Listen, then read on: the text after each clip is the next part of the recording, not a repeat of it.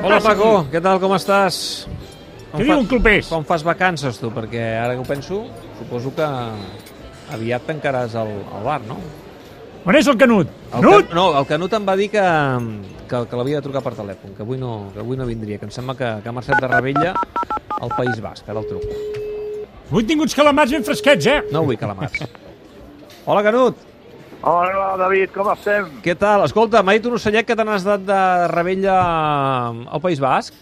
Sí, sí, sí, estic baixant de Sant Sebastià, bé de fet, i estic ja passat Saragossa, que he parat en una àrea de servei per poder prendre aquesta connexió i, i ja de tornar una altra vegada cap a casa. Quin amic has anat a veure? Quin amic has anat a veure? Que tu en tens molts per allà.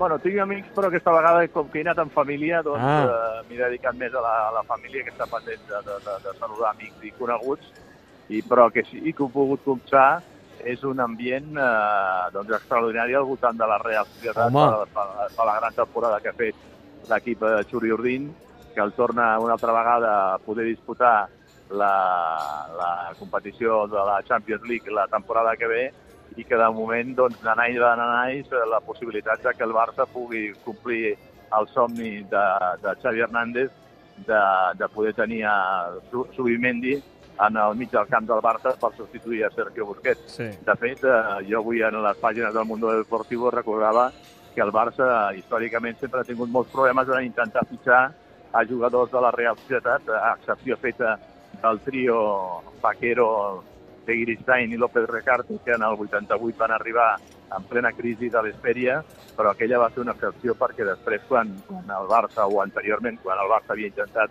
fitxar jugadors, especialment en l'època daurada de la Real, com va guanyar les dues lligues, els Arconada, eh, López Ufarte, Zamora, que, que eren el somni del, del president del Barça, de Núñez, en aquella època per intentar fitxar, va, va estavellar davant de la, de la negativa total i absoluta del Home. president de la Real, de José Luis Orbegoso, que no hi va haver manera de que els volgués vendre amb l'excepció feta de Perico Alonso. Em va fitxar un, em va fitxar un de davanter, però que no va funcionar, que quan jugava a la Reial... És Eh, veritat, Mejo Codro, Mejo no? Codro, el que passa que després va ser un bluff, perquè va, va anar bastant malament eh, quan Sí. va, va fitxar pel Barça. Va fer-li un Bueno, gol al va. Madrid i poca cosa més. Va, va fitxar Mejo Codro, però s'ho va cobrar Weber, perquè si no recordo malament, No, la xifra era de 700 milions de, de les antigues pessetes per un jugador que, com tu bé dius, va passar més pena que glòria Sí, pel sí, Barça i, que, i que no va donar el rendiment. Entre altres coses perquè no era el perfil de jugador pel Barça, perquè era un home més de contraatac que no pas de- de- d'intentar atacar els espais eh, reduïts com, com es trobava el Barça quan jugava amb Mm. els seus rivals que se li tancaven darrere i un jugador com Pedro estava més acostumat a jugar a la contra amb la Real que no pas Sí. a l'equip del, del Dream Team de Johan Cruyff. Tens bona memòria, eh? ho he comprovat. Eh, va pagar la clàusula al Barça de Mejo Codro 700 milions de pessetes. Eh?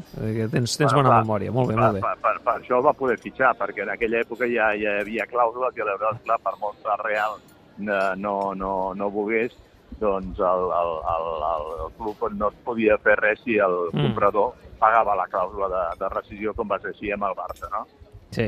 Escolta, Canut, um, um, ahir va guanyar, uh, i és un tema que et volia comentar, uh, el Barça de Futbol Sala, la sisena lliga. Uh, 6 de 6, que és un fet històric, això no havia passat mai. S'havia aconseguit el 4 de 4 quan encara no existia Sí. ni el futbol sala La- ni el futbol femení. La, la, la, la temporada del centenari, Això precisament. mateix, això mateix, que això recordo que el club... Hi va haver una rua, hi va haver una sí. rua conjunta per la ciutat de Barcelona amb els quatre campions de Lliga amb quatre autobusos diferents, no? Clar, això passa l'any en què arriben les retallades, eh, en què marxarà Mirotic, eh, que marxarà um, Sindrich, potser ja veurem de l'embol, marxa segur Ludovic Fàbregas, ja veurem què passa amb Gonzalo Pérez de Vargas, que el vol al Quil, um, també hi haurà baixes al futbol sala, a l'hoquei patins marxa també un dels jugadors importants, eh, clar, estem parlant eh, d'una retallada que pot deixar les seccions, que ha estat, diguem-ne, un dels grans forts, un dels grans fortins que ha tingut aquest club en anys difícils, quan el futbol no ha rotllat les seleccions, ha sortit al rescat,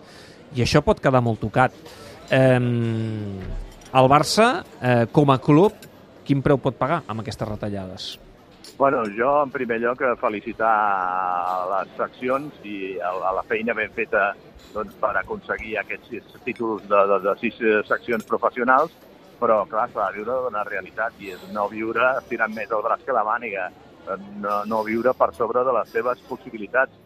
i si la realitat del club és la que hi ha, i a més a més amb el famós fair play eh, de, de, de, de, de la Lliga Futbol Professional eh, resulta que t'imputen les nòmines, els sous dels jugadors de les seccions, doncs eh, aleshores el, el futbol no ho, pot, no ho pot sostenir tot eh, i per tant doncs eh, ens agradi o no ens agradi seran necessàries aquestes eh, retallades i, el, i les seccions hauran de viure més de la seva pròpia realitat. Eh, eh, és, a dir, és a dir, perdona, Lluís, eh, aquella gent del Palau, l'abonat del Palau que, que, que ens estigui escoltant i digui, sí, home, però esclar, per què hem de pagar nosaltres els plats trencats del futbol, eh, que perquè puguin fitxar un jugador, eh, nosaltres hem, hem de deixar de ser competitius. Què els hi dius? No, però mira, jo et diria que a aquests abonats del Palau, amb tot el carinyo i el respecte que els puc tenir, perquè a més a més jo he estat un home molts anys del, del Palau, doncs que, que doncs, han de viure la realitat. És a dir, els abonats del Palau han estat pagant eh, a preu de, de, de, de, del Cine Tívoli poder veure les estrelles del Liceu, no? I això no, no, no, no es correspon, no? Perquè, perquè la, el Palau Blaugrana, entre el que paguen els abonats i el que recapta entrades i de sponsorització i drets de televisió, les seccions no cobreixen les despeses, vaja, jo diria que ni en un 30 o un 40% ja. del seu pressupost, no? I aleshores, clar, eh, el que s'ha d'intentar és eh, fer una, una, una, unes seccions que siguin al màxim possible, jo no dic que siguin del tot sostenibles, si volem que siguin mínimament competitives, però, però, però, però s'ha de seguir l'exemple del futbol femení, que ha aconseguit ser eh, l'única secció que és eh, sostenible, no? que, que capta el que, el que, el que recapta. I, i aquest ha de ser el, el leitmotiv, no? També hem de començar a mirar que algunes d'aquestes polítiques esportives, començant pel, sobretot pel bàsquet, s'ha de mirar una altra vegada més cap a, cap a, cap, a, cap, cap, cap a casa, no? cap als jugadors del planter, perquè les grans èpoques del Barça de bàsquet les ha viscut quan tenia jugadors de casa, com, com, com els casos dels Pepis, dels Solofàbals, dels Civilios i, i, i companyia, que van viure bueno, una època daurada i que, i, que va, i que van ser doncs, eh, jugadors que es van formar en el bàsquet de base de, de, del Barça i que van rebre l'empenta de tècnics com Ranco Ceravica per pujar al primer equip i fer-li la competència al Real Madrid. Mm, ja veus que tinc el Paco per aquí que està nerviós. Eh, sí, que vol, ja, ja avui, dic... avui vol tancar, avui vol tancar abans d'hora. Eh, escolta'm, Canut, eh, que vagi bé el que et queda de viatge de tornada. Eh, setmana que ve, eh, eh, si et sembla bé, ens tornem a trobar. Encara ens queden dos caps de setmana, de tot gira. Per tant, tornem a parlar perquè el tema dels fitxatges sempre dona molt de sí i el Paco el segueix molt, molt allò, amb molta atenció. Sí, el Paco. Per, per cert que m'han dit sí, que donava una, unes coques de Sant Joan un pèl caducades. Eh? Sí, no me'n facis parlar, no me'n facis parlar, perquè m'ha intentat colar uns, uns calamars fresquet, fresquets. Va, Canut, vols una mica de ratafia? De ratafia, no, que he de conduir. Exacte, no, no li ofereixis alcohol abans de conduir. Gràcies, Canut. Ens veiem la setmana Apa! que ve. Adéu, Canut. Molt, re, molt records a ton pare, David, que el vaig conèixer l'altre sí, dia amb els 40 anys. és que te'l vaig presentar, és veritat. Home, tot Bé, un personatge. més que te'l vaig, no, no, més que te'l vaig presentar, es va presentar ell. Presentar, correcte, bueno, correcte. T'he de dir una cosa, veient-lo és inconfusible que és el teu pare. Eh? Ah, molt bé, moltes gràcies. Suposo que m'està sí, escoltant. Sí. L'únic que, tu et falta és portar el, el barret que amb el que ell va tocar. Eh? Ah, això és veritat, és molt de barrets, és que tampoc té gaire cabell, saps? I s'ha de protegir. Ah. Jo encara em queda bé. algun. Vinga, Una gràcies, Canut. Forta, adéu. Adéu, adéu, adéu, adéu, Paco, cuida't, que vagi adéu. bé. Vale, adéu, copers. Ens veurem, eh?